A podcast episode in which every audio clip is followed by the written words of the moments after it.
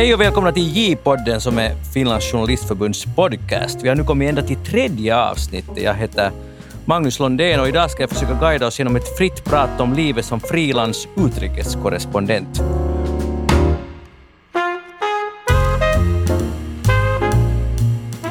Hur fixar man det journalistiskt och ekonomiskt? Och jag ska bjuda på, eller inte jag kanske, men mina gäster ska bjuda på goda råd till alla som drömmer om att vandra längs den här frilanskorrvägen.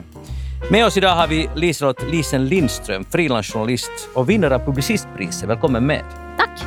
Det är ju helt, när jag läser hur de beskriver det här juryn, så de skriver så här att Lisen, om vi kallar det så, har med sin sakkunniga, mångsidiga och multimediala bevakning ökat och nyanserat omvärldens kunskap om Afrika. Hon är en skicklig och ambitiös journalist vars relevanta rapportering på två språk och till flera länder konsekvent vittnar om, om initiativrikedom och mod. Det är helt, helt otroligt. Din min är sådär att liksom, who is this person? Nej, jag är också lite såhär who is this person men det är ju jätte, jätteroligt om det är så som de ja. uppfattar mig eller som jag har blivit uppfattad. Så. För när jag läser den här beskrivningen blir det att den här människan vill jag ju träffa.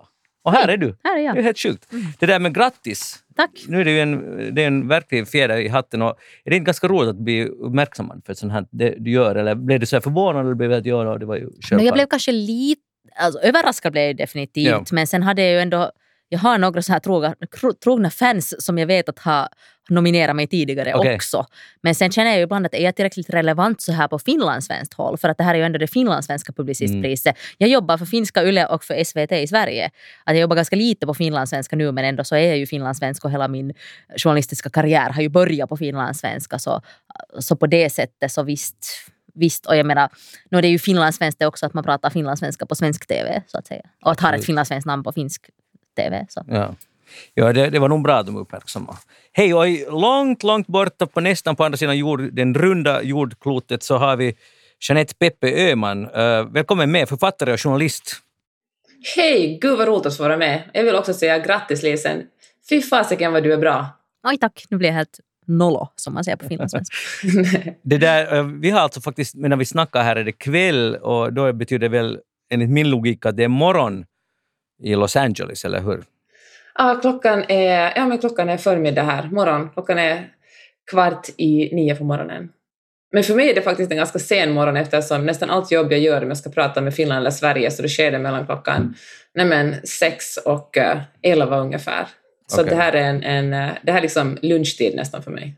det är ganska skönt, jag måste bara säga inflika här att uh, Nairobi har ju egentligen väldigt samma tidszon som Finland, mm. eller nu, nu när det är vintertid så det är en timme uh, och till Sverige är det då två timmar. Men då när Sverige till exempel, SVT har sitt sena kvällsprogram Aktuellt klock, börjar klockan nio svensk tid, så det är först klockan elva i Nairobi. Mm. Så det är så här, och sen är de alltid bara så här, kan du vara i någon intressant miljö? Jag så här, här är utegångsförbud efter tio, jag måste stå på min balkong. Sorry. Hej, ni hade fått båda ett uppdrag inför den här podden. Ni skulle båda berätta om någon speciellt bra jotto som, som ni har gjort, oberoende av medium, som ni är speciellt stolta över. Ett kort referat och sen förstås, varför blev det så här bra? Så Lisen, om du börjar. Mm. Det här är nu, jag har nu av, det har varit väldigt ovant för mig eftersom jag fick det här priset så har jag måste prata väldigt mycket om mig själv på olika forum. Uh, men det är en grej som jag märker att jag konstant lyfter upp så om det är okej okay, så lyfter jag upp den igen nu här. Och det var alltså en grej jag gjorde i Somalia för ett drygt år sedan som handlade om alltså en uh, ung kille som hade startat ett transportföretag, alltså en lähetti, vad heter det på svenska, alltså inte transport utan alltså budfirma mm. i Mogadishu. Mm. Och vi tänkte då äh, med min kompis Hanna att hon var där och filmade med mig och så tänkte vi liksom att det här blir visuellt helt fantastiskt. Vi kan följa med motorcykeln som levererar mat i Mogadishu. Vi kan visa liksom stan. Vi kan berätta en sån här historia som är lite ovanlig kanske ändå för, för Somalia. Men då samtidigt berätta om vardagen där, om miljön, om utmaningarna eftersom det då ändå är ett land i konflikt. Så, så då tänkte jag liksom att det måste inte alltid vara... Du kan berätta om en konflikt utan att berätta om konflikten. Om du förstår vad jag menar. Absolut. Att man kan liksom berätta en annan historia och sen kommer den här konflikten mer och mer som en, liksom, en ramberättelse eller någonting som man lite berättar om där vid sidan om men det är inte huvudpoängen. För att där tycker jag kanske just när det gäller Afrika då så är det väldigt ofta så att man berättar att där är det nu konflikt och nu har vi de här flyktingarna och så här är det. Men att, då att man kan liksom berätta det om det på ett annat sätt. Så därför tycker jag om att lyfta upp den historien. Och jag, jag tror att för de flesta lyssnare blir, det, blir den här konflikten också mycket mer uh, levande gjord på ett, på ett mänskligt plan på det sättet istället för siffror vem, vem, vilken general är det som nu är där? Och ja, blir, precis. Och det blir ju ofta så där att, att om man bara pratar om den där konflikten så, så får folk den där uppfattningen om att vardagen är ett enda krig. Mm. Och det är det ju sällan. Nej, nej. Att det, liksom är, det finns en fullständigt fungerande, intressant vardag i Mogadishu och folk beställer kaffe hem liksom för att de sitter och jobbar vid sin dator. Och då kan man liksom visa det och samtidigt då visa att men okej, okay, de får om det sker en, ett bombattentat i Mogadishu så går, är det jättemånga fler som vill beställa för att då vill ingen gå ut. Och då måste de fundera vem de prioriterar. Då prioriterar de till exempel mammor som beställer mjölk åt sina barn. Och, liksom så här. och då blir det mm. mycket, då blir det så här att okej, okay, det finns den där konflikten men samtidigt så är den där vardagen är ju det som är dominerande.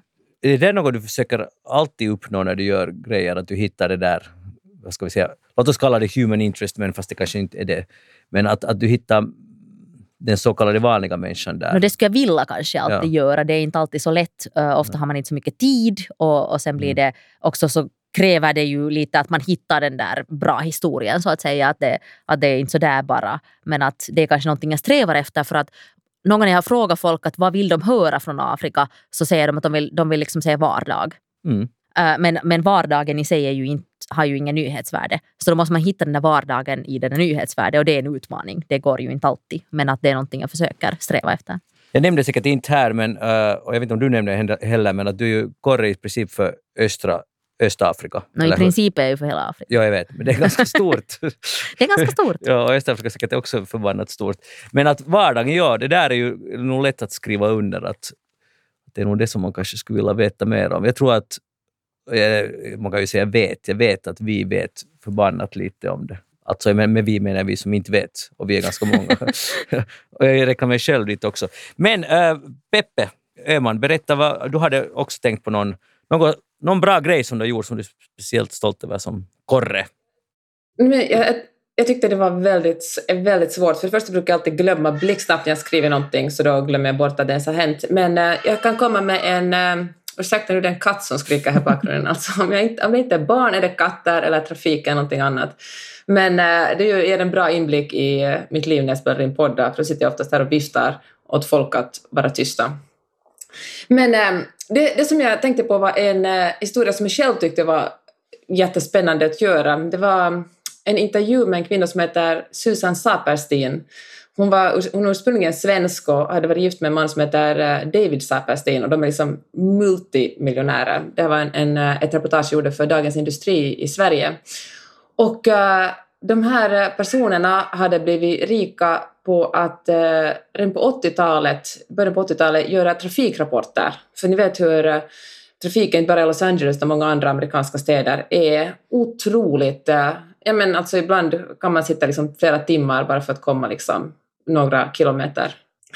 Och då har den här David Saperstein och, och sen fick han med den här svenskan på tåget börja och göra trafikrapporter. Han, hade liksom, han körde själv runt och eh, hade kompisar som körde runt och rapporterade. Här var det kö, här var det en olycka.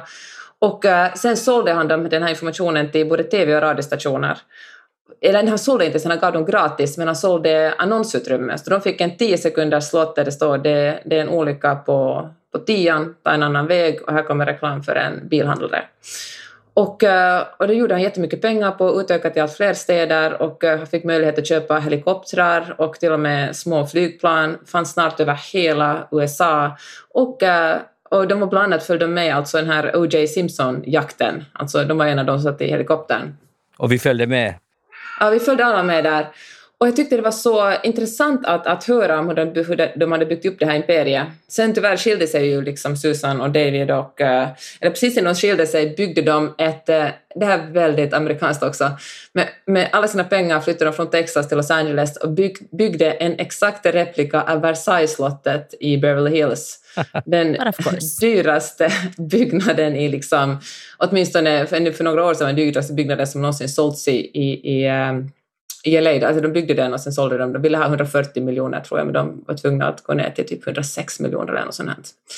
Nu bodde hon i stackaren, sen skilde hon sig och hon bodde i en, ett liten, en liten stuga på typ 40 miljoner eller något sånt på Sunset. Men äh, det var verkligen en, jag tyckte det var en, ett kul reportage att göra för det var verkligen liksom den amerikanska drömmen. Den amerikanska drömmen existerar ju för väldigt, väldigt, väldigt, väldigt få personer. Alltså, det är ju en, en lögn som hela det här landet är uppbyggt på. Men just för de här personerna så, så har det gått ganska bra. Men är det, är det faktiskt en lögn? För det är ju en dröm, en dröm, en dröm. Jag menar, nu, nu finns det ju det finns så många poddar som handlar om Uh, vet du, How I Built This till exempel, den här podden om, om, om folk som har börjat från ingenting och sen mirakulöst fixar de sig. Det. men det är just det att, ja men just den där, om man tänker på Jeff Bezos, kolla han byggde upp Amazon, ja men han börjar ju inte från noll precis. Alltså Elon Musk samma sak, jag menar nej, han börjar heller inte från noll. Det liksom finns ju en, det är ju alla liksom, de mest framgångsrika är ju vita män som kommer från medelklass eller övre medelklassförhållanden. Eh, alltså jag tror att den sociala mobiliteten... Och nu, nu spårar jag säkert lite ur också, men det här är ju lite samma sak som det är ju, medierna älskar ju att lyfta upp bara sådana här framgångsberättelser. Samma när man talar om folk som har haft till exempel depression. Det är ju alltid bara de som har kommit ur depressionen mm. och berättar hur bra det gick sen och mm. hur man ändå kan bli bra igen som mm. kommer fram. Att alla de här som har misslyckats i den amerikanska drömmen så kommer kanske inte så mycket fram. Men Peppe, nu är jag mm. intresserad. Är du, är du, lever du den amerikanska drömmen? Um, alltså vet du vad jag gör faktiskt? Det. Alltså, Men då är, det, då, är det, då är det inte en lögn. Ja, men jag tänker att den amerikanska... Nej, det är faktiskt sant, mitt liv är på riktigt. Men jag tänker att om den amerikanska drömmen är liksom det här att vem som helst kan komma till det här landet och bli vad som helst, det stämmer verkligen inte. Alltså, det, man rör sig oftast inte så mycket från sin samhällsklass. Men, eh, men min egen personliga dröm lever jag. Då hade ju aldrig någonsin drömt om att bo i Kalifornien när jag flyttade hit. Det var ju mest av misstag. Jag fick ett stipendium och, och eh, gjorde, fick ett stipendium av, av Helsingin Sanomien Säätiö som de delade ut journaliststipendier och så gjorde jag en master på, på USC som är ett av universiteten här och skulle bara stanna ett år. Men, äh, men så blev jag så kär i den här stan att äh, det nu har gått nästan åtta år. Och, mm jag faktiskt inte ångrar det en enda dag. Så på så vis kanske jag lever, eller så lever jag liksom min egen amerikanska dröm. Mm. No, ni är båda då uh, frilansjournalister och, och har många järn i elden. Och det här tror jag intresserar många. För att det är en ändå ganska ovanlig väg, det är inte en trygg vägen. Det kan man inte påstå på något sätt, alltså varken ekonomiskt eller på något annat sätt. Och även om ni har säkert hittat trygghet i era liv, men, men det här intresserar mig. Uh, ni har stick, stuckit iväg Uh, hur fixar ni det? Hur liksom, tycker du Lisa att ditt liv är svårt eller är det fantastiskt? Hur, hur rent ekonomiskt går det ihop? Uh, mitt liv är fantastiskt. Det är också svårt ibland. Senast i november när jag var i Kongo så talade jag med min chef på Yle och sa att jag tänker gå i pension nu för jag orkar inte mer för det här är för jävligt. Uh, men sen när, man, när det fixar sig så är det, är det fantastiskt. Men alltså det här borde jag säkert inte få säga högt men alltså det går ju jättebra ekonomiskt för mig. Mm. Jag tjänar väldigt mycket mer än vad jag skulle tjäna om jag skulle sitta på rumpan i Böle och editera Reuters material, vilket jag gjorde i många år. Um, men det handlar ju om att jag har flera uppdragsgivare och att jag har liksom lyckats optimera vem jag jobbar för, när jag jobbar för dem och på vilket sätt. Och, och just det här att jag, jag jobbade alltså både för finska Yle och för SVT. Och eftersom de har väldigt olika publik så har de inga problem med att jag gör samma inslag för dem båda två. Förstås försöker jag versionera, att ibland kanske jag gör ett tv-inslag för SVT och gör webb och radio för YLE. Speciellt när det är nyhetsläge gör jag ofta samma för båda två och kan då fakturera båda två skilt. Men de vinner ju också på det att om jag åker på resa från Nairobi så kan de dela på utgifterna och det är ju en, ett, ett stort liksom spar för dem så att säga. Men att eh, jag har på många sätt jättebra. Och sen det som är orsaken till att det är möjligt är ju det att att Afrika helt enkelt inte intresserar så många journalister. Alltså jag har ingen konkurrens. Det finns ett vakuum? Det finns ett vakuum. Jag har ingen konkurrens. Det finns ingen annan som kommer att strida mig om de här historierna. Så jag kan liksom, förutom att jag har de, mina, de här uppdragsgivarna som jag normalt jobbar för, så får, blir jag också kontaktad av andra uppdragsgivare som vill att jag skriver för dem eller gör för dem för att det finns ingen annan som gör det. Mm. Det är roligt när du säger att, att, du vet inte om du ska säga det, kan säga det högt, att det går bra, men jag tycker att du ska säga det, eller du sa det ju redan de facto, men, men, men att det är ju alltså det är ju good for you, det är grattis. Alltså det, är ju, det här är ju det visar ju att det finns andra vägar att gå. Och sen om det går bra så behöver man ju, då ska man vara jävla stolt. Mm, Jag- exakt, att det ja. känns som att på något sätt narrativet i Finland är sådär att är du en misslyckad journalist så är du en frilansjournalist. Ja, Det behöver inte alls vara så. Utan en, en, de facto om du är frilansjournalist och du lyckas bygga upp en fungerande marknad för dig så är du en, en jävligt lyckad journalist. Ursäkta, Ja, ja. svor Och, och du har den där, det är ju en, en fördel om man kan, i, det, i ditt fall då, rapportera både på finska och svenska, ha kontakter, eller egentligen finlandssvenska, sven, rikssvenska och finska. Det är ju ganska drömläge. Men det, är det så man måste göra för att klara sig? Liksom att man kan inte bara eh, så att säga rapportera på ett språk. Att man måste man vara ganska, eh, vad heter det, Nu, hur ska vi säga? Man måste nog vara ganska kreativ. Det kanske Peppe också håller med mig om. att liksom, Därför sökte jag mig också till Sveriges Radio för några år sedan och, och, och ville jobba där för att jag ville få foten in på den svenska marknaden. För att jag insåg att vill jag vara frilansjournalist, vill jag liksom göra det som jag brinner för, så är den finska marknaden för liten. Då hade jag heller inga inte i- tänkte jag att jag inte kan jobba på finska och då tänkte jag liksom främst för den finlandssvenska marknaden och den är ju väldigt liten. Eh, och då tänkte jag att vill man uppnå någonting så måste man också komma in på den svenska marknaden och sen det som jag ju inte visste då var ju det att uh, den svenska marknaden har väldigt mycket mer konkurrenskraftiga priser. Mm. Så är det. Uh, Peppe, berätta om, om hur, du, du har ju, som vi konstaterar här, just uh, tre poddar i praktiken. Uh, du bloggar, du bloggar för Husis. Nu skriver du inte mera kolumner för Husis, det var ju mycket, mycket snack om det. Eh, eh, så där har ni en sak som ni har haft gemensamt men ni inte mera längre har. Eh, vi kan kanske komma, återkomma till det, men, men att det där, och sen har du skrivit flera böcker. Det händer mycket. Hur, hur, hur håller du allt det här igång? Eller hur orkar du? Mm. Ja, alltså... Jag tycker ju faktiskt att allt är ganska roligt, men eh, så vill jag också jättegärna bo i LA. Och eh, det svåra med att bo här är ju bara att det är en så otroligt dyr stad. Alltså det är så ofattbart dyrt att bo här att det är liksom svårt att förklara. Och det fattar jag liksom inte när jag kom hit. Första året fick jag ju ett ganska generöst stipendium och då var jag ju bara här och studerade och det täckte också min man och, och jag hade ju bara ett barn på den tiden, deras levnadskostnader. Men sen när vi bestämde oss för att, att stanna här och, och, eh, och jobba här som frilansare var det, alltså det var två så knapra år. Alltså det, jag kommer ihåg att det var en gång som, som vi, vi bodde i ett, ett, ett, litet eh, våningshus och så var vi nere på väg ner i, i källaren, jag och min man, och, och jag hade sån otrolig ekonomisk ångest. Jag liksom stod där med, med tårar i ögonen och var så att Magnus, den här månaden kan du åtminstone dra in 500 dollar. Om du kan dra in 500 dollar så har vi i alla fall en liten del av hyran betald. Mm, Liksom. Då kanske en femtedel av hyran betald, vad vi nu vår hyra gick på den tiden. på. Men eh, på något sätt förstod jag att, eller precis som Lisen sa, det går liksom inte att, det går inte att leva ett liv där man bara pitchar in grejer till olika finlandssvenska redaktioner. Alltså det är inte tillräckligt betalt och att åka någonstans, att, att sitta i en bil två timmar för att intervjua någon och sen komma tillbaka och så får man liksom 300 euro för det. Det, är liksom, det håller helt enkelt inte och man kan liksom inte skriva och göra sådana grejer varje dag. Så det gjorde jag, precis som Lisen, och började men, jobba för, också för svenska medier. Alltså jag skriver, gör lite SVT, skriver lite för Dagens Industri, här skriver Göteborgs-Posten, någonting för eh, Expressen har jag väl gjort någon gång.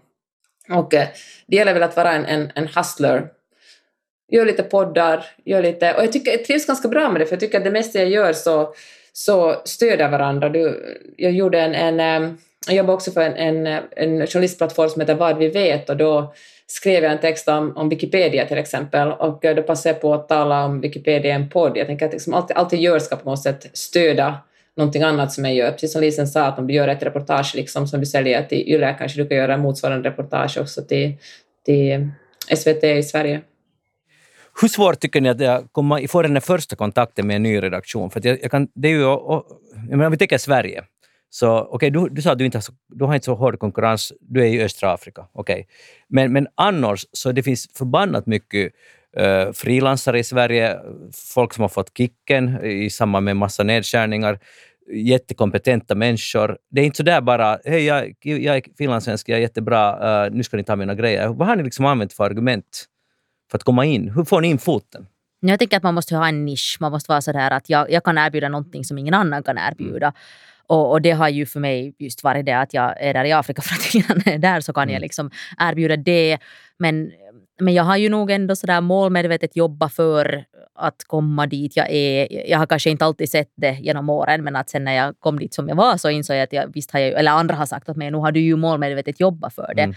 Och så här att jag byggde, insåg att det inte fanns så mycket kunskap om Afrika så då när jag jobbade bara i Finland så, så var jag den på svenska YLE som gjorde Afrikareportagen och, och så här småningom och sen när jag sökte in eller sökte då sommarjobb sen på Sveriges Radio så, så försökte jag liksom lite pitcha in att jag kan det här med Afrika och jag är liksom min grej var kanske just det här att jag tycker om att komma människor nära. Jag vill berätta människors historia och, och att inte, inte så mycket experter, inte så mycket siffror utan mera just människor. Och så här och så fick jag nu av någon anledning fick jag då sen jobb där och sen var det ju mycket lättare då när, när jag närmade mig SVT eftersom jag hade jobbat för Sveriges Radio så var det en bra merit att närma sig SVT. Men jag tänker liksom för att nu sammanfatta igen så jag, jag, jag skulle säga att det är det att du kan erbjuda någonting som inte någon annan kan. Mm. Och då har det ingen skillnad om du talar finlandssvenska eller rikssvenska eller, eller vad du gör utan bara det att, att ingen annan kommer där och konkurrerar med dig. Men jag vet inte vad Peppe tänker. No, eh, vet, jag, vet, Peppe, jag måste bara fråga, tycker du själv att du är sådär framfusig, du måste liksom hålla dig själv fram eller har du liksom arbetat målmedvetet i bakgrunden och då kommer någon att märka att jag är förbannat bra, de klarar sig inte utan mig. Vilken del liksom metod har du haft? Jag vet inte, jag är ju egentligen en ganska blyg person. Aha, um, du verkar nog inte jag, jag brukar vara en väldigt blyg okay. person och som väldigt hade, jag har svårt att hävda mig själv men sen har man kanske måste lite komma med armbågarna fram och ganska mycket så här imposter syndrome har man ju haft på vägen också och, och så här men att Ja, jag vet inte. Jag, tycker inte jag, jag, jag, tror att jag har varit ganska ödmjuk och ganska så här försiktig och så, och så liksom mm. har jag bara gjort mitt bästa och så har det räckt. Det kanske det, det lät jättetöntigt. Det kanske är så det var. Men herregud, du är ju jättebra. Det är, alltså, det är ju, du är en otroligt kompetent journalist. Det är ju, borde väl räcka som argument. No, men det är ju inte så där, tyvärr så där enkelt. Uh, att nu finns det ju massa duktiga journalister som kanske inte har lyckats slå sig fram eller, eller någon nyhetschef inte orkar lyssna på en eller whatever. Ja, men då måste man ju liksom, man måste helt enkelt våga och man måste, ja. då när det gäller så måste man vara framfusig. Jag tänker nu som exempel kanske då när uh, jag hade aldrig jobbat på finska förr. Jag hade min första frilansresa gick till Sydafrika och sen visade det sig att det var, det var statskupp i Zimbabwe. Ja. Och då ringde jag liksom upp, då måste jag ju bara ringa upp till finska Yle och säga jag kan åka till Zimbabwe om ni vill. Att, att då måste jag ju, jag satt inte liksom och väntade på att de skulle säga att vill du åka till Zimbabwe utan då ringde jag och sa att jag kan åka dit om ni vill. Jag har fixat, liksom, jag, har, jag har chaufför, jag har fixare, jag, har, jag vet hur jag kommer in i landet fast de inte vill ha in journalister just nu. Så jag kan, att det finns ju en risk att jag blir gripen på gränsen men att jag gör mitt bästa. Jag kan göra det nu. Att då måste man kanske vara lite framfusig. Ja, absolut, och inte kan man ju sitta och vänta. Men det ju, Nej. Det, det, förstår jag, det är helt sant. Men Peppe, du, det där, eh, du är ju nästan, det där ordet Peppe är ju som ett brand. Eh, och jag, men, jag menar inte något negativt alls, utan liksom verkligen positivt det där. Hur, hur målmedvetet har det varit att du, att du har byggt upp liksom allt det du gör? Eller har det bara kommit, rulla på? Liksom? Det har nog bara rullat på, men jag tänkte på det Lisa som du sa om att, att ha en blogg. Alltså, jag började blogga för 15-16 år sedan bara för att vill testa sådär som man nu för tiden testar liksom Clubhouse. Vad är det här? Det här är någonting för mig.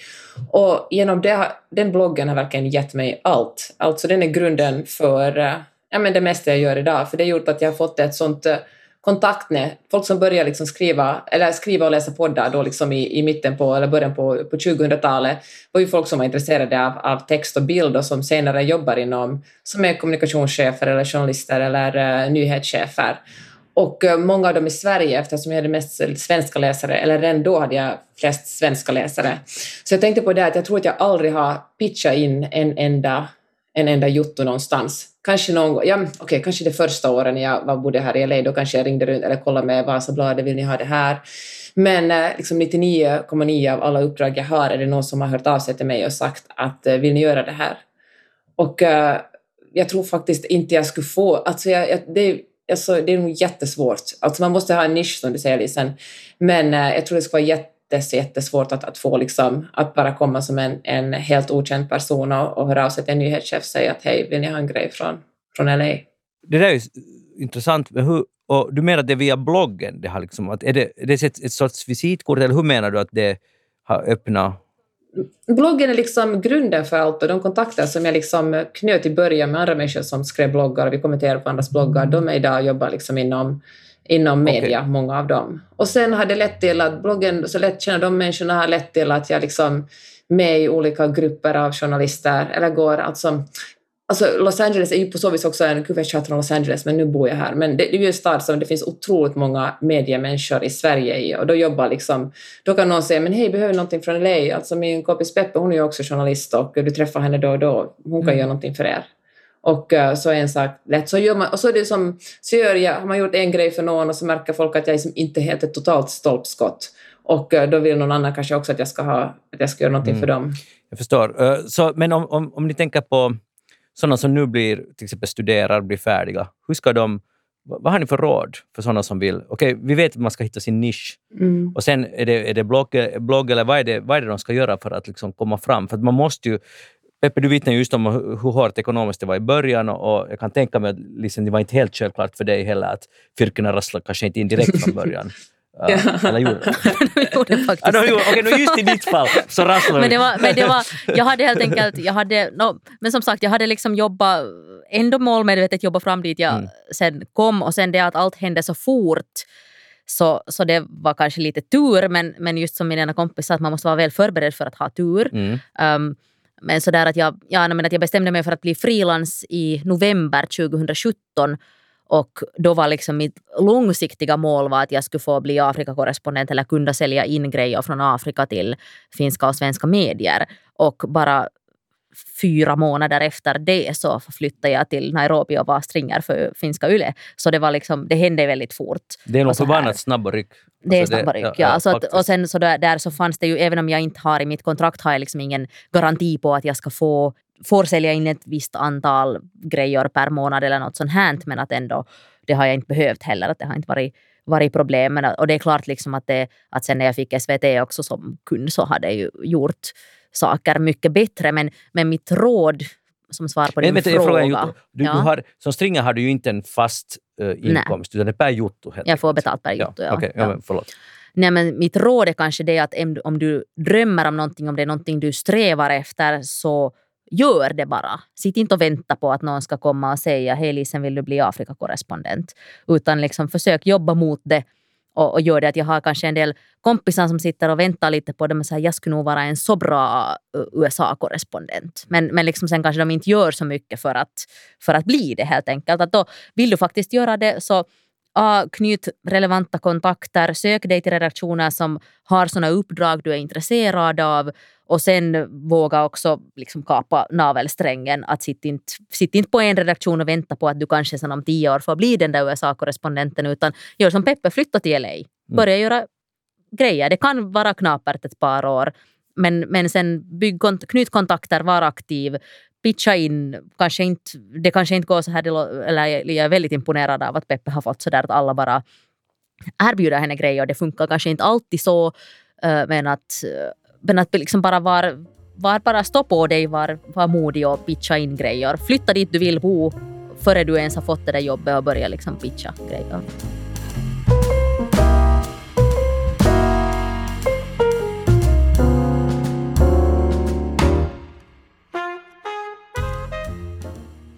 Det sägs ju ofta att, att um, alltså det sägs så, jag, jag, är inte säker att det är så, men att, att uh, redaktionerna är inte så intresserade mer av utrikesmaterial. Läsarna eller lyssnarna eller tittarna, inte, alla vill bara höra vad som händer i eget land.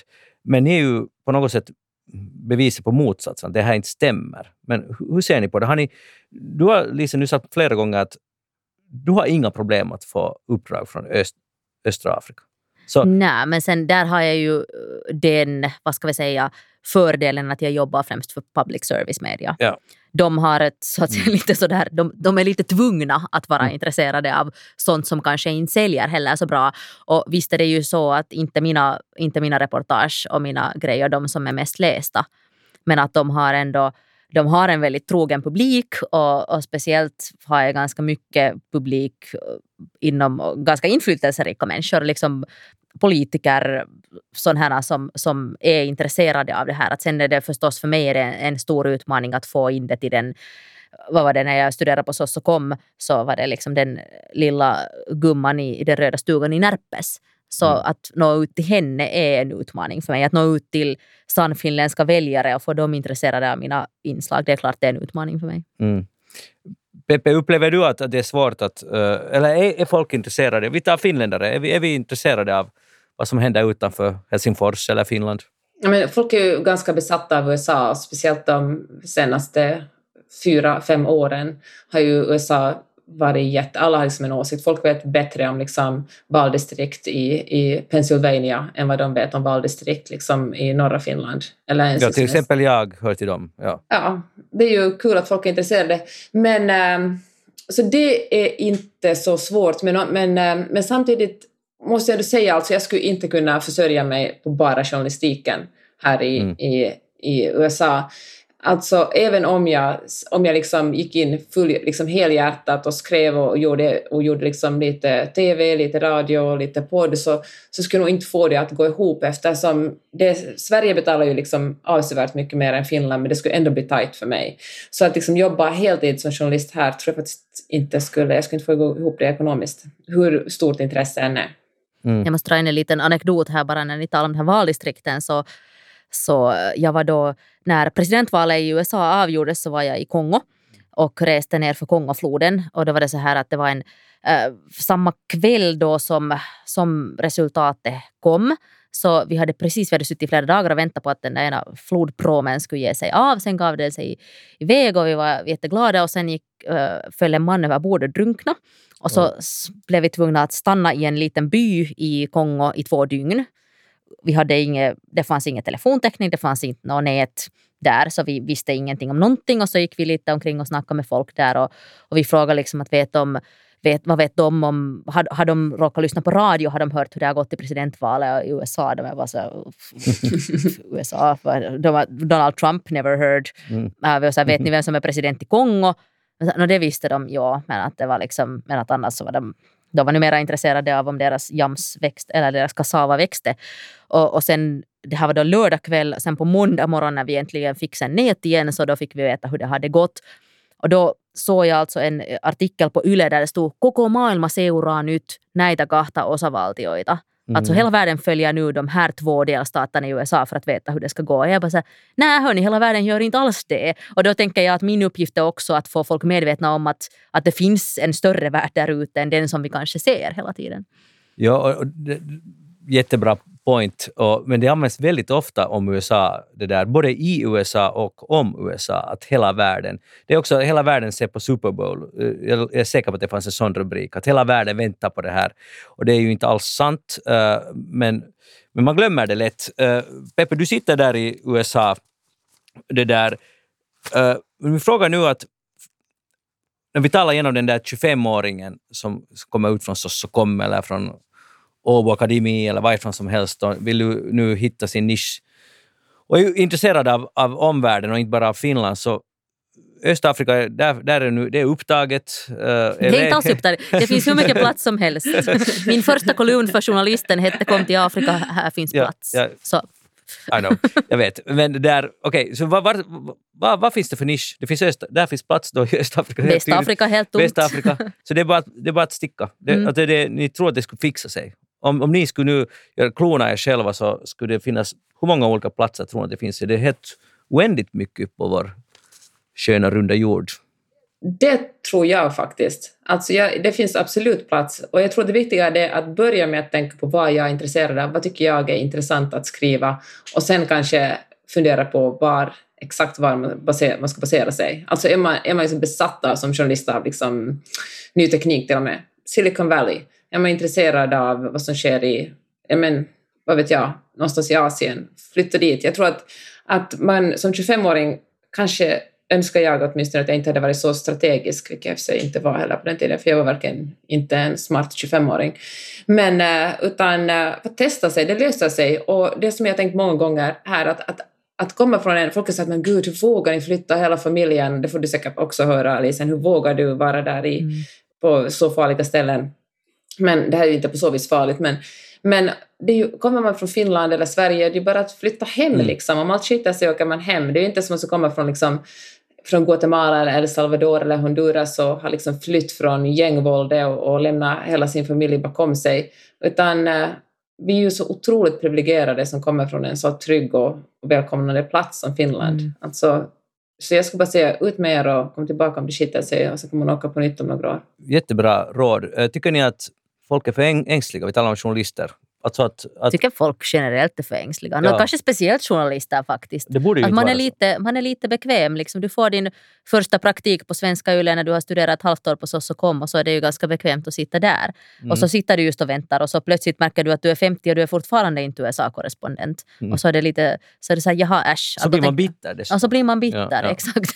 Ja. nej, men, nej, men jag tycker absolut att, precis som Peppe säger, att, att vad har du att förlora? Ofta ganska lite ändå. Om du har, liksom en, om du har en dröm, du har en vision, eh, du har någonting du brinner för, så, så bara ut och, ut och gör det. Om jag skulle kunna klona mig själv så skulle jag åka till... Vart jag skulle du åka? jag skulle väldigt gärna vara i Johannesburg. Mm. Sen skulle jag också vilja vara i Lagos i Nigeria. Sen skulle jag också jättegärna vara i Dakar i Senegal. Så de alla skulle jag kunna så här rekommendera. Och då först skulle du göra mycket fyrk om du skulle No, eller hur? ska någon fyra. Så har du tips på hur man klonar? Det, snart fixar vi det också.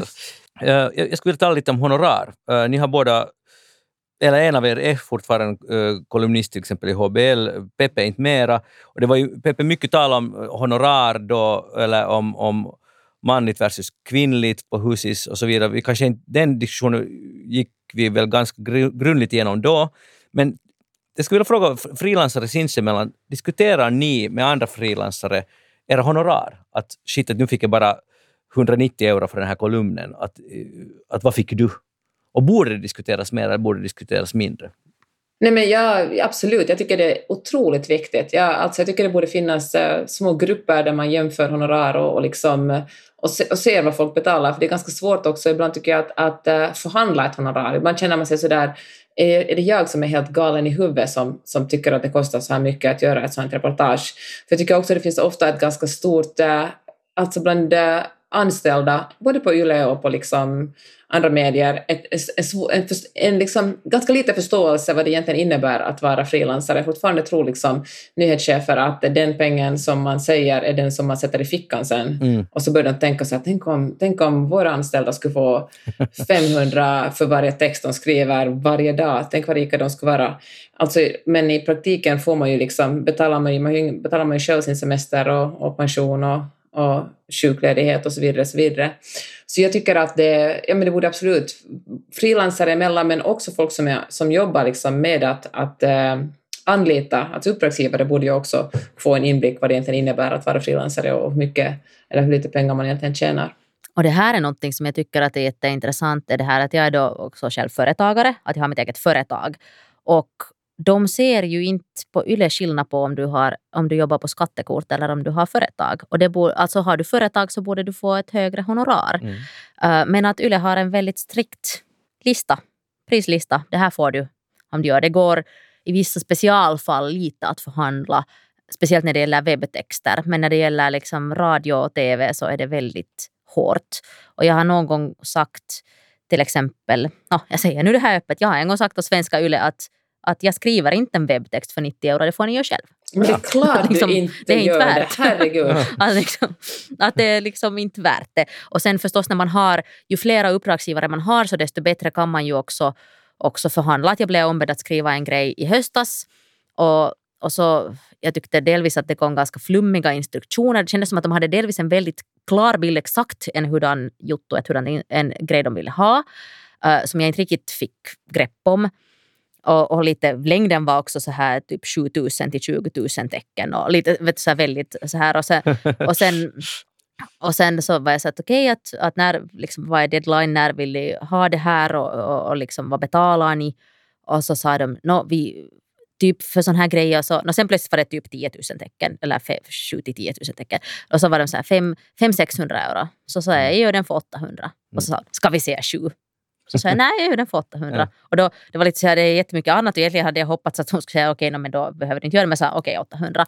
Men då Mm. liksom har man den där fördelen att om du är en en ny frilansjournalist så, kan, så då är du ju bara jättetacksam att någon tar kontakt med dig och vill att du ska skriva för dem och då har du inte den där att du kan kanske inte, eller man vågar kanske inte förhandla på det där sättet Nej. men att då tänkte jag att jag gjorde också en liten tjänst för alla andra frilansjournalister att, att sen om någon frågar mig att vad får man om man skriver för det här magasinet, vad får man om man skriver en så här lång grej så kan jag säga jag fick 800 Mm. att se till att du också får det. Ja, och det här är enda rätta vägen att gå. Och, Mm. och sen, eh, det är ju intressant det där, för det här har alltid fascinerat mig helt superlänge, den här uh, oförståelsen som Peppe var inne på. Eh, jag delar verkligen din, dina erfarenheter av det där att, att, att de verkar liksom, eller de, men jag menar sådana som kanske inte har varit frilansare själva och de räknar just så här eh, att oj, att om våra fastanställda, som du sa Peppe, om de skulle få så här mycket... Så de börjar räkna liksom de, tänker inte, de förstår inte vad det innebär, vad det är att vara frilansare. Så det här ska vi väl komma åt, att hur kan det finnas en sån... Hur är, det, hur är det så svårt att sätta sig in i en annan människas position på något sätt, att förstå vad det är att vara frilansare? Och det handlar ju inte om en personlig position heller, det handlar liksom om ett yrke. Alltså att förstå helt enkelt, det, är inga, det finns inga lösa ramar. Så här fungerar det att vara för, ha ett företag. Eller att vara, eh, liksom, eller att, eh, det här är skillnaden mellan att jobba på skattekort och att ha ett företag. Alltså det är ju inget, det, det är väldigt lätt förklarat egentligen. Det är liksom ingen flum där. Utan det är inte så att, det är inget att bedöma liksom. Utan det är ju helt enkelt, eh, helt konkret, så här mycket betalar man i skatt. Så här mycket betalar man i, i pensionsavgifter. Punkt slut. Men jag kom bara tänka, jag tänkte en annan sak som Lisen sa om att, att uh, otydligheten hos uppdragsgivare, för det tycker jag är nästan det mest stressande att jobba som frilansare, när man uh, får ett uppdrag och i början var jag för uh, glad, alltså det första året som det verkligen var otroligt ekonomiskt krapert, jag var att men vem ska jag skriva för, vad betyder det här?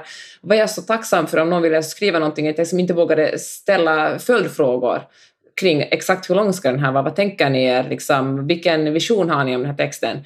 Och då kom det från fler, kom det, fick jag ibland uppdrag där uppdragsgivaren och eh, jag kommer ihåg en text jag skrev för Amelia, den enda, första och sista texten jag skrev för den här damtidningen Amelia, som jag inte ens minns vem det skulle handla om. Det skulle handla om någon slags, eh, om, om någon artist som jag skulle skriva om. Och, eh, och då missförstod vi varandra totalt, så när jag skickade in min, min Youtube på kanske 10 000 tecken var de alldeles chockade för de hade förväntat sig något helt annat. Och det blev jättemycket omskrivande och, och enormt mycket kommunikation. Jag tror att både de och jag kände att det här vill vi aldrig göra om.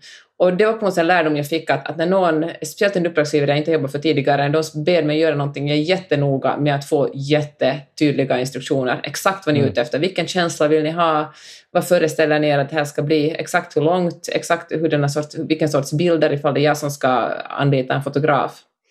Och uh, så det, det var, det var en, en, en, en obehaglig men Så du tycker inte det begränsar din, uh, vad ska vi kalla det, kreativa frihet att du får så, här, så noggranna instruktioner?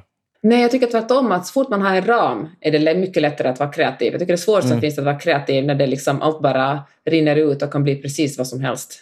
Ge mig en ram och jag levererar en bra text. Bra. Sen det här med att, um, Lisen, du var inne på det att, att de börjar pruta.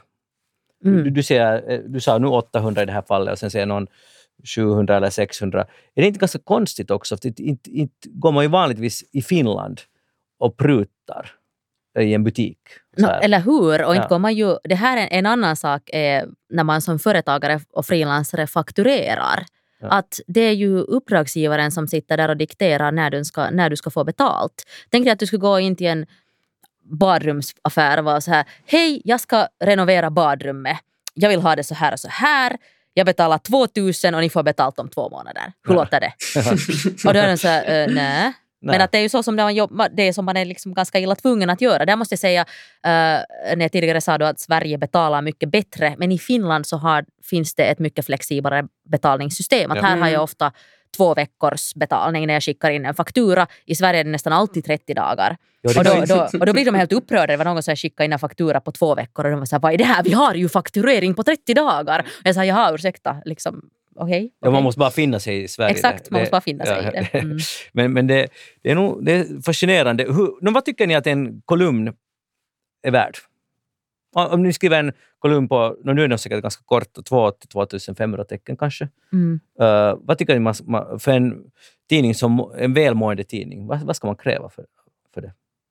No, nu tycker jag att, att liksom för en kort kolumn så är 300 ett ganska bra pris. 200 är lite lågt. 300 är ganska bra.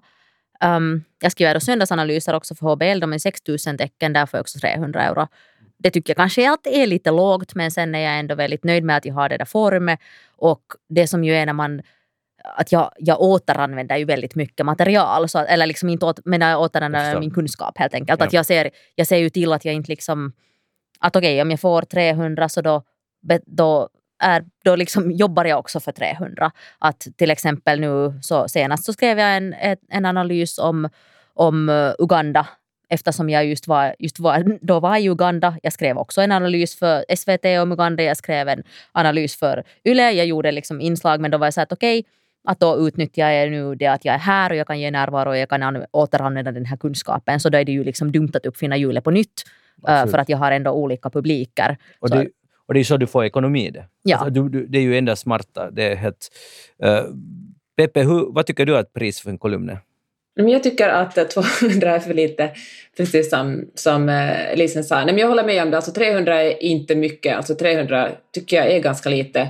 Och nu är jag rädd för att låta som en otroligt girig person, men man tänker på, ja men det beror på, precis som Lisen sa, hur mycket tid man sätter ner på det. Börjar man från scratch och ska liksom hitta på en tes eller, eller någonting så, så, är det, så är kanske 300 helt okej. Okay. Men eh, alltså jag ser 400-500 Ja. Om man, sen får man ju det man betalar för också känner jag. Jag tycker att som ja, eller hur? Har ju liksom... Jag menar att betala, betala HBL 300 så då får de 300. lite samma som de får mm. för, som jag har gjort för andra också. Ja. Helt Precis.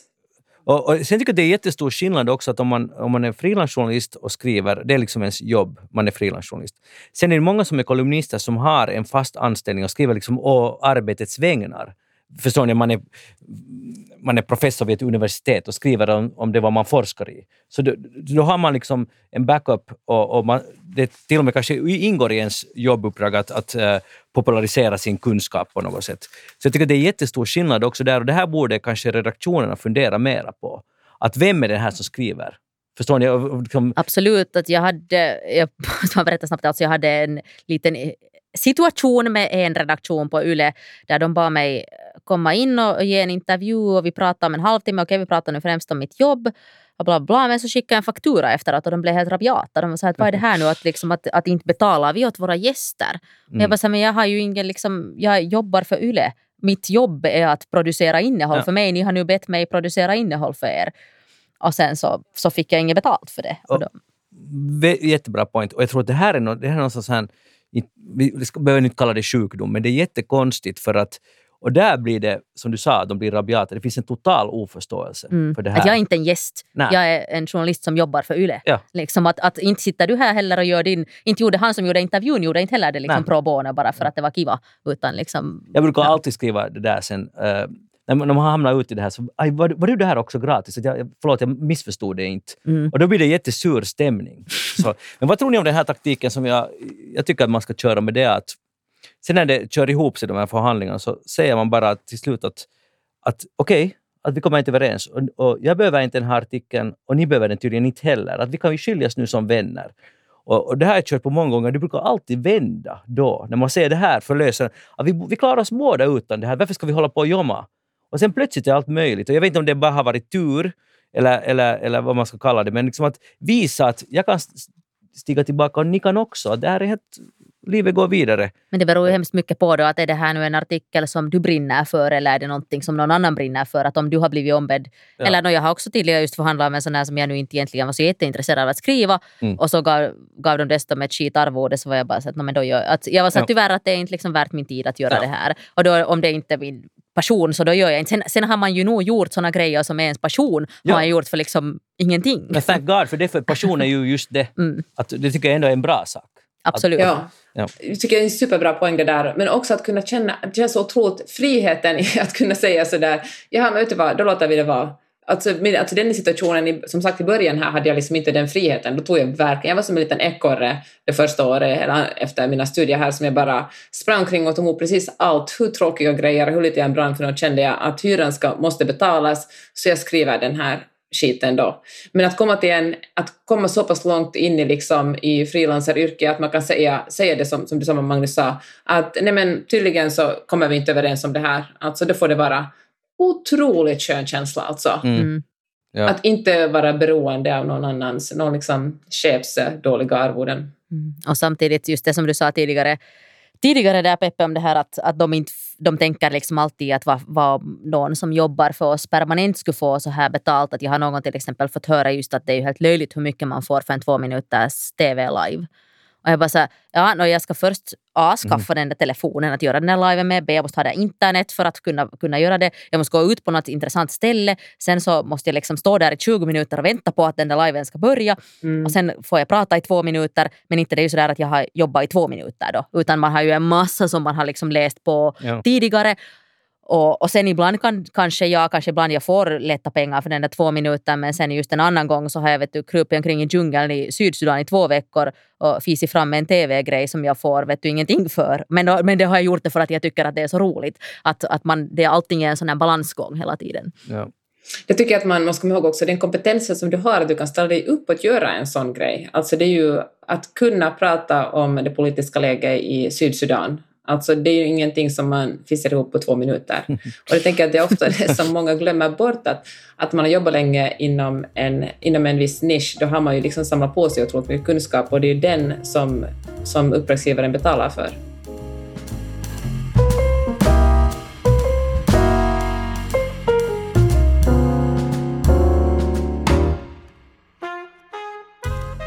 Hey, men vad är det som driver er? För eh, okay, honoraren är ju, det är ju så här, det kan ju förstöra en dag, en dålig förhandling, men det kan också förgylla en dag.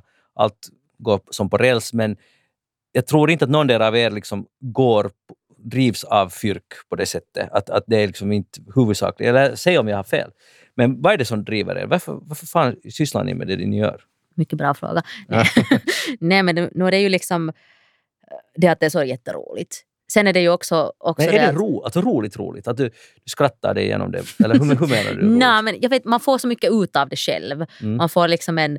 Ibland är det ju bara för jävligt och det är liksom jobbigt och det finns de där dagarna det är jobbigt. Men kanske just det att det, det är så väldigt omväxlande. Att det, kan, det liksom är aldrig jämntjockt. Mm. Det händer alltid saker hit och dit. Jag egentligen konstant utanför, mitt bekvämlighet, eh, utanför min bekvämlighetszon. Och du sa just att du var blyg. Ja, nej, jag har jobbat på det.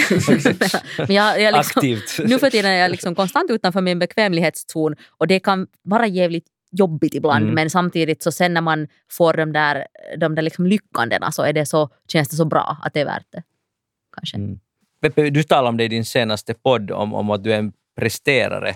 Jag, så jag frågar dig nu, att är det det som driver dig? Att, du vill, du vill liksom prestera och jobba, det är viktigt för dig? Alltså det är ju, Är det det som alltså nu driver blir det här psykologipodden, men, äh, men ibland kan jag faktiskt Sorry. se en sån sida av mig själv, liksom, att jag tror att jag, att jag är älskvärd bara om jag är riktigt duktig på någonting. Och det är därför jag har varit så nöjd med livet de senaste åren, för jag kände att alltså jag fick en sån här upplevelse att jag kan verkligen. Jag, jag är jättebra på amerikansk inrikespolitik, insåg jag. Och äh, den känslan Alltså det känns ju, nu känns det herregud, får jag ens säga det högt? Nu kommer någon att testa mig på det. Men, eh, men det känns, det, som, som Lisen sa, det är roligt. Alltså det är roligt att tala om någonting som man tycker är kul och ofta, något, ofta är det kul om man kan någonting. Om man känner så här att, att det här det här kan jag, jag kan svara på de här frågorna, jag kan förklara det här. Och jag måste säga att vid sidan om att göra reportage tycker jag att det är väldigt roligt att förklara saker i poddar. Jag kanske innerst inne är en, en, en medelålders mansplainande man, men eh, jag, tycker det, jag tycker det är roligt att förklara folk om, om amerikansk politik i min och min man Magnus podcast och att förklara varför folk ska, till exempel också förklara saker varför det är så viktigt med journalistik, vad folk ska betala för journalistik, hur journalister jobbar. Det är fasiken, eh, ibland kan jag verkligen, det är så roligt. Peppe, vad skulle hända om man skulle ta bort eh, det från dig? Skulle du bli en olycklig människa? Nej, men då ska jag nog bara hänga i stallet från morgon till kväll. så jag, jag har som tur andra grejer som jag gillar också. Okej, det finns en plan B. Mm. Lisen, hur är det med dig? Ser du paniken i mina ögon? Ja, jag jag, vet inte, jag har ingen plan B. jag, jag kan ingenting annat. Det var någon som jag funderade att, det var, att om jag inte skulle kunna göra det här, vad ska jag göra då? Jag, säga, jag vet inte för jag kan ingenting annat. Okej, så det är, inte ett, det är inte en option helt enkelt? Nej, det här är det som jag vill göra och det är det som jag gör. Och, därför, och jag tycker att det är kul. Men visst, Lisa, visst finns det någonting fantastiskt också i det att ha kunnat du skapa liksom din arbetsbild helt själv. Du har varit så här att nu, så här vill jag jobba och sen har du ordnat så att jobba på det sättet. Kan du känna en liksom, lycka i det? Absolut en jättestor lycka. Men samtidigt så är det liksom, för mig har ju mitt jobb varit nummer ett, 100 procent de senaste åren. Att, det har inte, att allting har gått på dess, dess villkor så att säga. Um, men att det är kanske ibland det som det krävs för att man bygger upp någonting så Mm. att man sen kan, kan också sen börja prioritera andra saker. Men att just hittills har det känts bra och det har känts rätt att, att det är så som det är.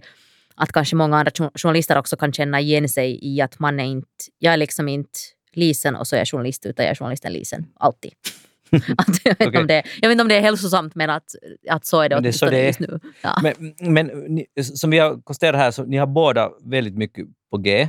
Så tycker ni, och det här finns ingen liksom, värdering i frågan, men jobbar ni dygnet runt? Eller, eller inte, ni sover förstås också, men är, det annars, är du liksom på jobb nästan hela tiden? Ja, det är jag nog. Okej. Eh, eh, Men sen, det som är bra är att jag är väldigt bra på att sova. Så när jag sover så sover jag. Men, det är ju nice. Men liksom, visst är det ju så att nu, nu är jag till exempel i Finland några veckor och tänkte att jag jobbar liksom inte så mycket men nu sitter, eh, det finns liksom ingen option att jag inte skulle läsa min e-post. Att det måste jag göra hela tiden. Jag måste Mm. hela tiden veta vad som pågår. Sen kan jag förstås välja, svarar jag på det nu eller svarar jag på det imorgon eller när svarar jag på det obe- beroende på hur akut det är. Men, men det här att gå på semester och inte läsa e-post är tyvärr ett obekant fenomen för Nej, mig. Jag förstår, jag förstår och jag är jätteglad för du är ändå betydligt yngre än jag och, och jag är glad att träffa en yngre människa som också är beroende av e-post. Mm. Tack. För, det, för jag märker att det, det blir allt färre sådana här människor, så det, det är bra. De är beroende av andra, andra saker istället. Men Pe- Peppe, är du, är du på don hela tiden? Ja, jag är verkligen på don precis hela tiden. Och eh, det finns alltid någonting man kan göra, någonting jag kan skriva på. Jag skriver ju också böcker hela tiden, så att om jag inte gör någonting journalistiskt så då skriver jag på en bok eller, eller kanske förbereder en föreläsning eller ett tal eller något sånt som jag ska hålla. Men eh, och det kan ju irritera min familj ganska mycket. Att jag sitter och, Mm. För jag låter ganska mycket när jag jobbar också. Jag sitter och suckar och stönar. Och, fast jag tycker att det är ganska roligt. Och de bara, men herregud, sluta. Men, eh, och om vi åker någonstans där det inte finns eh, wifi liksom, eller täckning, det som du liksom sa, liksom, två dagar i Kongo utan täckning, för jag blir liksom alldeles kallsvettig. Det är ju... Det, går inte för sig. Alltså, Det var det, just över fyra dagar i Uganda utan tecken. men herregud, nu får sluta skrämmas sådär. Men, eh, men precis som Lisen säger så sover jag också jättebra. Alltså nästan så jag skäms när folk klagar på att de sover dåligt. Då brukar jag bara vara tyst. För jag, för jag älskar att sova, det är så skönt. Alltså det här är ju supergoda nyheter, för jag skulle, om man skulle måste göra så här, någon analys av, så tror ni att de här två uh, arbetande frilansarna sover de gott om nätet? Jag skulle säga att nej, antagligen inte för att de donar så mycket, men ni säger att ni sover gott. Mm. Speciellt alltså Ja. min specialitet är att sova på flygplan. Jag ser liksom skylten att här finns en, en flygplats i närheten så somnar somnar jag ungefär. Så. Vitsi, jag blir avundsjuk. Eh, Det, det är fantastiskt. Det där, eh, hej, ni hade det där, mm, en sån här liten, en, en annan uppgift. Ni skulle ha en fråga till varandra. Har ni kommit ihåg uppgiften? Om vi börjar med Peppe. Hade du en fråga till Lisen? Men jag, har- men jag har alltså tusen frågor till Lisen. Då frågar jag dig, ehm, varför blev det journalistiken?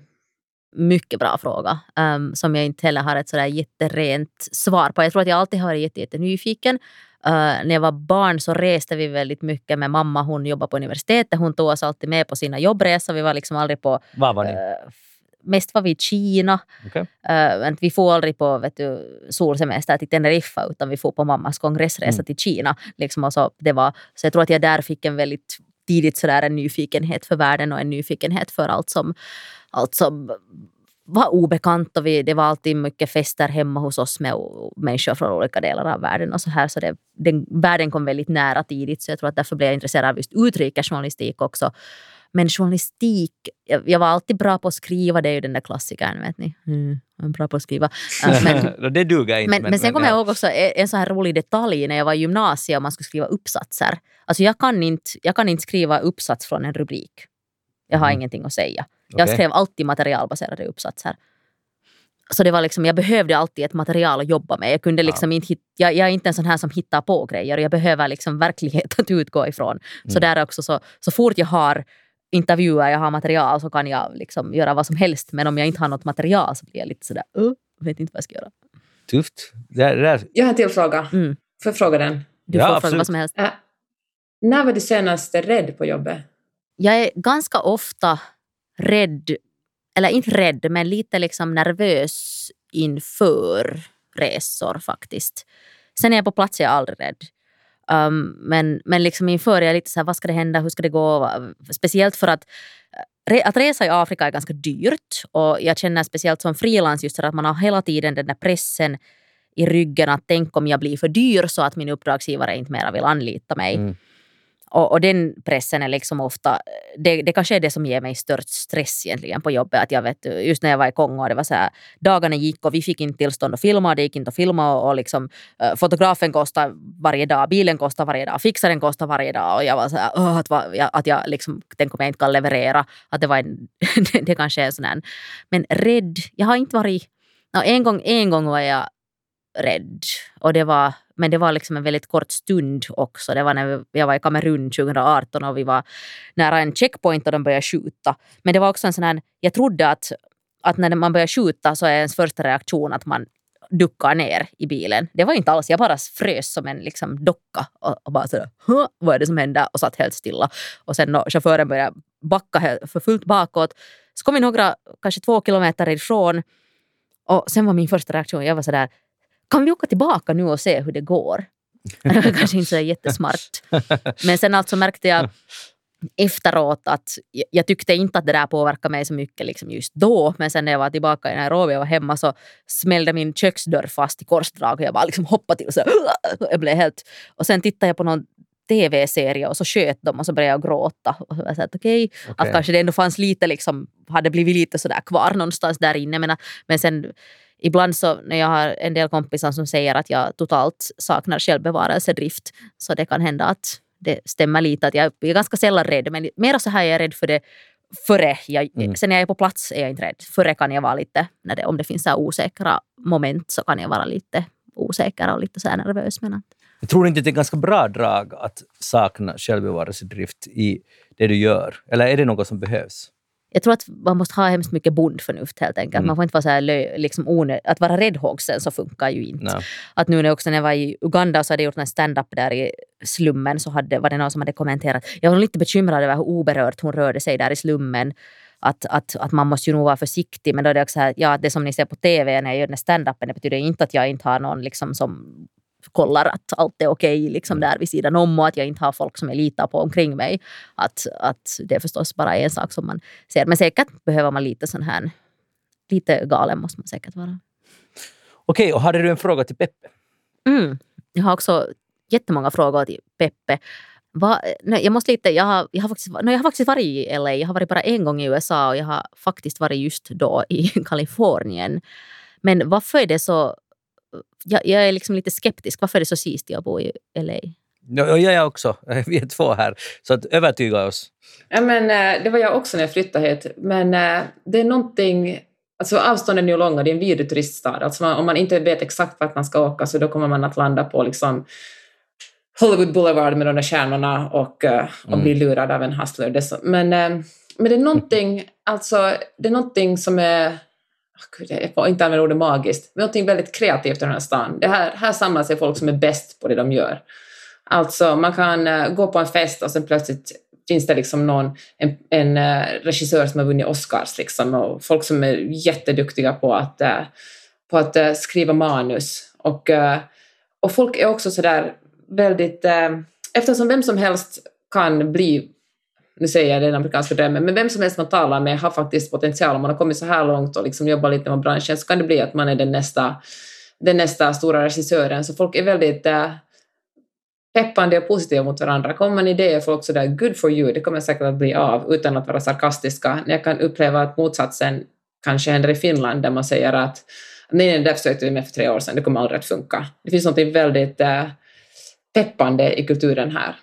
Men och, är det inte väldigt vassa armbågar där då? Nej, vet du vad det är inte? Det skulle man kanske tro. Men, det, men folk är verkligen väldigt generösa mot varandra och hjälper varandra. För man vet aldrig, liksom, den personen som du kanske hjälper, som du hjälper idag kanske kommer att vara högsta chef någon annanstans om ett år. Och det här, jag måste berätta en anekdot om det här, för det här är en väldigt, väldigt bra point till alla som lyssnar. Var alltid snälla med frilansare. Jag har en, mm. en liksom, jag säger inga namn och inga, inga grejer, men att en frilansare som gjorde en grej för ett magasin i Finland blev väldigt dåligt behandlad. Några år senare sitter samma frilansare uh, jobbar för en organisation och den här editorn som då hade varit väldigt otrevlig söker jobb på den här organisationen. Den frilansen sa den här människan vill jag inte ha mm. i min organisation. Liksom. Men. men precis, folk är liksom... Och sen, måste jag, sen är det ju också så otroligt vackert här. Om man liksom mitt i en storstad så åker man ut och så en, alltså, hoppar, varje gång man är till stranden hoppar delfiner där. Men uppe i bergen springer det en prärievarg över vägen. Det är liksom, naturen är helt ofattbart vacker här. Det, det, det är fantastiskt att du säger det, för, att, för min bild av, eller jag har faktiskt då varit där också, så att jag måste ha fått fel bild, men min bild av LA bygger bara på att fullt av bilar och en eländig kollektivtrafik. det, är liksom, ja, det är min bild av LA. Det stämmer i sig också. Mm. okay. Jag har en, en fråga till till Peppe. Om, eftersom du också har så jättemånga järn i elden, om du bara skulle, någon skulle säga dig du får bara göra en sak, mm. vad skulle du göra då? Oj, vad, vilken svår fråga. Jag får nästan panik när du säger så. Men äh, Ja, jag, alltså jag tror jag måste släppa journalistiken då. Jag tror att jag skulle antingen göra podcaster eller skriva böcker. Jag säger skriva böcker. Nu blir det ju intressant att en av dina största intressen är att vara i fred och sen skriver du ju bloggar där du berättar jättemycket om, om ditt privatliv. Hur, hur, hur hänger det här ihop? Nej, alltså det är ju Ja, jag berättar ju inte så mycket. Det är väl det med bloggar och, och liksom att synas på sociala medier. Det berättar ju egentligen mm. inte så jättemycket. Det sitter ju i ryggraden exakt hur mycket och hur lite jag berättar. Men det är egentligen mm. inte, det har jag liksom inga problem med. Att, uh, jag tycker det är väldigt skönt att kunna bolla tankar och, och uh, berätta om vad jag sysslar med.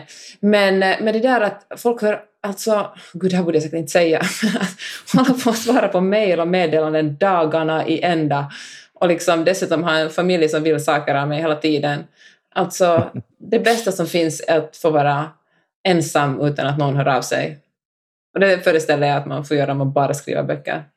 Ja, och sen måste du vara försiktig. Be careful what you wish for, för att tänk, tänk om ingen skulle höra av sig. Ja, jag vet. Ja, men det skulle ju också vara fruktansvärt. Gud vad sorgligt det skulle vara om ingen gjorde det. Ja. Hej, hey, uh, vi börjar avrunda J-poddens uh, tredje avsnitt, men ännu en sista fråga. Bortsett från er själva, hur tycker ni att medierna klarar bevakningen av det område som ni är experter på? Om vi börjar med Lisen. Um, no, jag tycker det har blivit jättemycket bättre faktiskt. Att hur att Afrika har på något sätt fått mycket mera utrymme och det liksom, man inser att det är relevant. Och, och då när jag började studera journalistik 2007 så kändes det som att det enda som intresserade var någonting med Finlandskoppling och jag är själv extremt allergisk för Afrikareportage med Finlandskoppling. Ja. så så liksom det tycker jag att man jättemycket har kommit ifrån att det mm. behöver inte finnas en Finlandskoppling. Det finns vissa undantag förstås beroende på, på redaktioner och så här men, men samtidigt så mm, No, no, jag minns att no, du ställde, nu, nu är jag så här jättehemsk för att du, du hade satt in en sån här fråga där som du inte har ställt nu, alltså ett reportage som man har pitchat in som man inte har fått igenom som man ah, tycker att hade du inte en sån fråga? Jag tror det. Också? Ja. ja. Men då hade jag tänkt lyfta upp den här, min eminenta podd, ja. som jag alltså gör vara pro bono med min goda vän Hanna Nordensvan som heter Podden om Afrika, där vi alltså då lyfter upp såna, såna ämnen som vi som liksom inte jag heller alltid får med i min rapportering och bara för att helt enkelt bredda bilden av Afrika. Och, och vi, är, vi är ju förstås totalt chockade över att ingen vill köpa in den här podden för att vi har ju ändå 400 trogna lyssnare utan att vi gör någon marknadsföring. Och, och, mm. utan, och liksom så här, vi är så, här får ni, så här ska ni få gratis 400 lyssnare, största i Sverige dessutom, som kan också vara en ganska bra marknad att komma in på. Så om nu någon hugad editor på något intressant, uh, framåtsträvande, drivet och modernt mediebolag lyssnar på det här. Mm. Så, så vi är väldigt öppna för att sälja in den här podden. Och den är jättebra. Den är en superbra podd. Och, och, och ni har ju gjort en hundra avsnitt, mer eller mindre. Nästan hundra, ja. ja. Men Peppe, frågan gick till dig. Hur tycker du... Nu, eh, vi var ju lite inne på att USA bevakas mm. hysteriskt mm. mycket. Eh, men tycker du att det berättas de rätta sakerna? Du bor ändå där och du ser ju hur, hur livet är. Jag, jag tycker det är tudelat eftersom det blir... Eh, USA bevakas ju enormt mycket, men det är ju också en väldigt... Eh, det så här blir när man liksom insnöar i någonting, då tycker man ju att det som alla andra skriver om det som inte är lika insnöade är ganska generaliserande. Men USA är ju så otroligt mycket mer än för det första det som händer på östkusten och eh, västkusten. Det finns ju liksom otroligt många andra historier och som väldigt sällan görs. Det gör, eller så skriver man så här att allt som sker liksom i, i eh, Middle America, det är bara rednecks som bor där och så är det bara snobbar som bor liksom på öst och västkusterna. Och jag känner att det finns liksom en, en ja men det finns liksom ett, det, det finns så många andra historier. USA, liksom, det mesta man ser om USA är både sant och falskt. Här bor liksom de smartaste människorna och här bor de, de dummaste människorna. Här bor liksom de mest kreativa och de som verkligen inte är så kreativa. Så jag tänker att det, det, finns liksom plats för andra historier än bara det som händer liksom i Washington DC, New York, LA och San Francisco. Mm. Men får jag fråga snabbt bara, att hur känner du så här till exempel finska YLE har två korrespondenter i Washington, Sveriges Radio har en i Washington, en i New York. Uh, så de liksom satsar på USA-bevakningen men den är ganska sådär klickad och där på ett ställe. Vad skulle du ha för råd till dem? Jag tycker nu har jag ju sagt att, att det liksom rapporteras mycket också från västkusten, men jag tycker verkligen att, att istället för att två stycken på östkusten kunde man åtminstone skicka den till västkusten eftersom det händer otroligt mycket. Kalifornien är liksom den största delstaten och eh, den rikaste delstaten. Det är liksom världens femte största ekonomi bara här, så det finns ju väldigt mycket att skriva om. Och jag är faktiskt överraskad över att det ännu inte finns någon, någon eh, korrespondent för public service här på den här sidan om, om, om landet. Jag tycker att, att om det skulle, det, man borde ha en ambulerande, en person som reser mm. omkring USA. För att det enda gången de reser, är, det här är säkert fräckt för det är säkert inte så i verkligheten, men min bild är att att när det är presidentval och presidentvalskampanjer, då mm, reser redaktörerna precis. lite omkring och rapporterar från rallys och sådär. Men, men, men det här så kallade livet, eh, när USA är så gigantiskt och alla som har rest i USA är ju helt tagna av säkert exakt samma som i Afrika i och för sig, men att hur olika det kan vara. Mm. Massor av olika verkligheter, det förstås finns. Mm. Uh, och det här, det här rapporteras nog inte, utan det är, det är New York och Washington. Det som, den som faktiskt gjorde det var alltså SVTs korre, Carina Berggren, mm. hon så? Bergfeldt. Bergfeldt. Hon, är ju, hon gjorde ju verkligen det. Hon åkte runt okay. i liksom alla delstater och var, hon gjorde ett otroligt bra jobb. Hon var liksom, gjorde både uh, journalistiskt men ändå med en väldigt personlig touch, en väldigt liksom lättillgänglig touch. Jag tycker att hon gjorde ett otroligt bra jobb. Men uh, jag önskar att det skulle fortsätta. Super! Då börjar det vara dags att, att avsluta. Det har varit jätteroligt att höra era synpunkter. Jag hoppas vi har inspirerat många andra som någon dag kommer att sitta i en sån här studio och berätta hur det är att vara utrikeskorre. Så Lisen, Liselott Lindström, tack för att du kom hit. Och, tack för att jag fick komma. Jättekul. Följ drömmen, det var ditt huvudsakliga budskap här till ja. alla andra. Och Jeanette Peppe Öhman, äh, tack för att du kom mitt i allt hassle. Det var fantastiskt att ha det, ha det med. Och jag, det är väl också så att du, du tyckte väl också att följ drömmen och var inte så ängsliga, bara just do it. Och sen kan man alltid komma hem. Verkligen. Så roligt att vara med. Alltså det var vilken, vilken drömstudio nästan att få sitta i och prata med er. Nästan. Nästan. jag heter uh, Magnus Lundén och ni har alltså lyssnat på J-podden som är Journalistförbundets jubileumssatsning. Uh, Journalistförbundet fyller ju 100 år i år, så det här är förbundets satsning på, för de svenska medlemmarna. Och vi kommer att fortsätta faktiskt hela året till slut. Uh, ungefär en gång i månaden. Uh, vi kommer att återkomma till det och ni kan faktiskt numera också e-posta oss på adressen jpodden at uh, journalistelito.fi. Så allt vad ni tycker, negativt, positivt, idéer, tips och så vidare, hör av er. Det ska vara jätteroligt att höra av er. Och då kommer vi att återkomma igenom en månad, så tack för oss och ha det bra. Hej då!